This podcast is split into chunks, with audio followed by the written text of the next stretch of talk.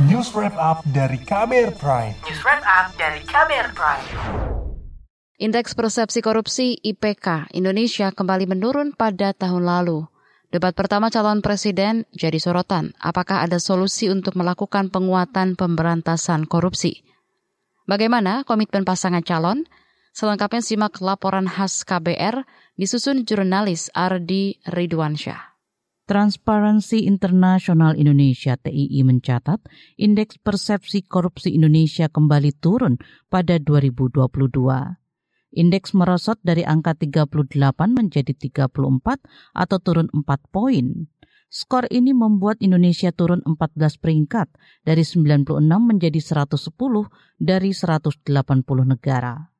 Padahal Indonesia pernah mencatatkan skor tertinggi pada 2019 yang mencapai 40 dan ada di peringkat 85.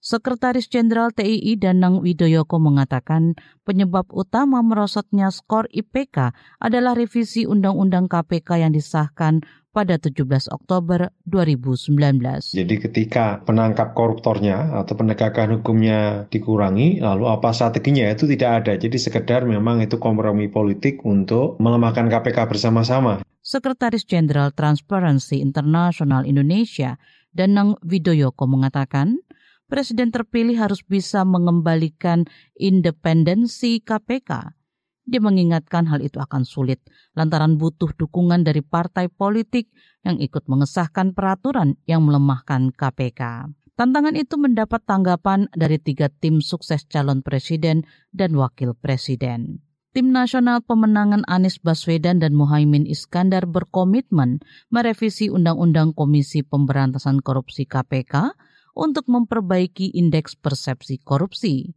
Juru bicara Timnas Amin, Maman Imanul Haq menilai menurunnya skor IPK diakibatkan penegakan hukum yang tidak adil. Hukum dijadikan sebagai alat bagi kekuasaan untuk mengintimidasi. Bahwa pasangan Anies Mohaimin sangat mendukung upaya pemberantasan korupsi. Dan itu dilakukan, yang pertama adalah membangun sistem hukum yang adil, transparan, dan juga mengayomi Selain itu, pasangan yang diusung koalisi perubahan ini juga akan menguatkan otonomi daerah untuk mencegah pemerintah daerah korupsi. Tim kampanye nasional Prabowo Gibran berkomitmen mereformasi hukum secara menyeluruh. Juru bicara tim kampanye nasional Prabowo Gibran, Viva Yoga Mauladi mengatakan, pasangan yang diusungnya akan memperkuat gerakan pemberantasan korupsi secara lebih sistematis dengan penguatan lembaga penegak hukum.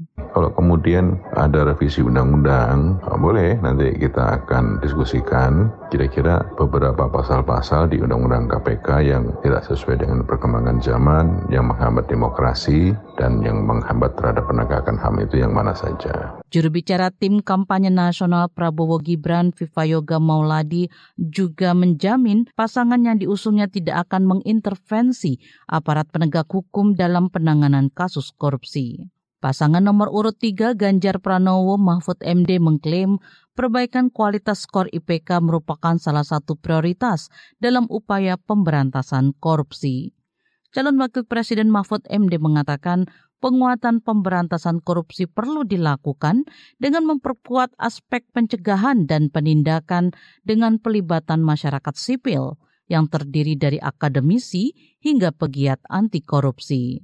Terkait pencegahan dan pemberantasan korupsi, tiga hal yang ditekankan oleh Ganjar Mahfud. Siapa makan uang rakyat, kami kejar. Hati-hati bahwa kami adalah peluru tak terkendali untuk melibas korupsi. Calon Wakil Presiden Mahfud MD juga mengklaim tidak terlibat dalam revisi Undang-Undang KPK yang melemahkan lembaga anti rasuah itu. Mahfud saat ini menjabat Menteri Koordinator Politik, Hukum dan Keamanan mengatakan dia bahkan sempat mengusulkan Presiden Jokowi untuk mengeluarkan peraturan pemerintah pengganti undang-undang Perpu KPK. LSM pemantau korupsi ICW meminta agenda pemberantasan korupsi tidak hanya dijadikan sebagai upaya mendongkrak elektoral pasangan calon semata. Peneliti ICW Diki Anandia mendorong penyelenggaraan debat Capres-Cawapres dapat memberikan usulan konkret kepada masyarakat yang diterapkan guna penguatan pemberantasan korupsi. Yang paling penting bahwa solusi tersebut bisa terukur dan juga implementatif, bukannya uh, menampilkan gimmick-gimmick konyol. Debat Capres Cawapres pertama akan digelar hari ini di kantor KPU RI. Pada debat pertama, tema yang diangkat adalah pemerintahan, hukum, hak azazi manusia, pemberantasan korupsi, penguatan demokrasi, peningkatan layanan publik, dan kerukunan warga. Demikian laporan khas KBR. Saya Fitri Anggreni. Kamu baru saja mendengarkan news wrap up dari KBR Prime. Dengarkan terus kbrprime.id, podcast for curious minds.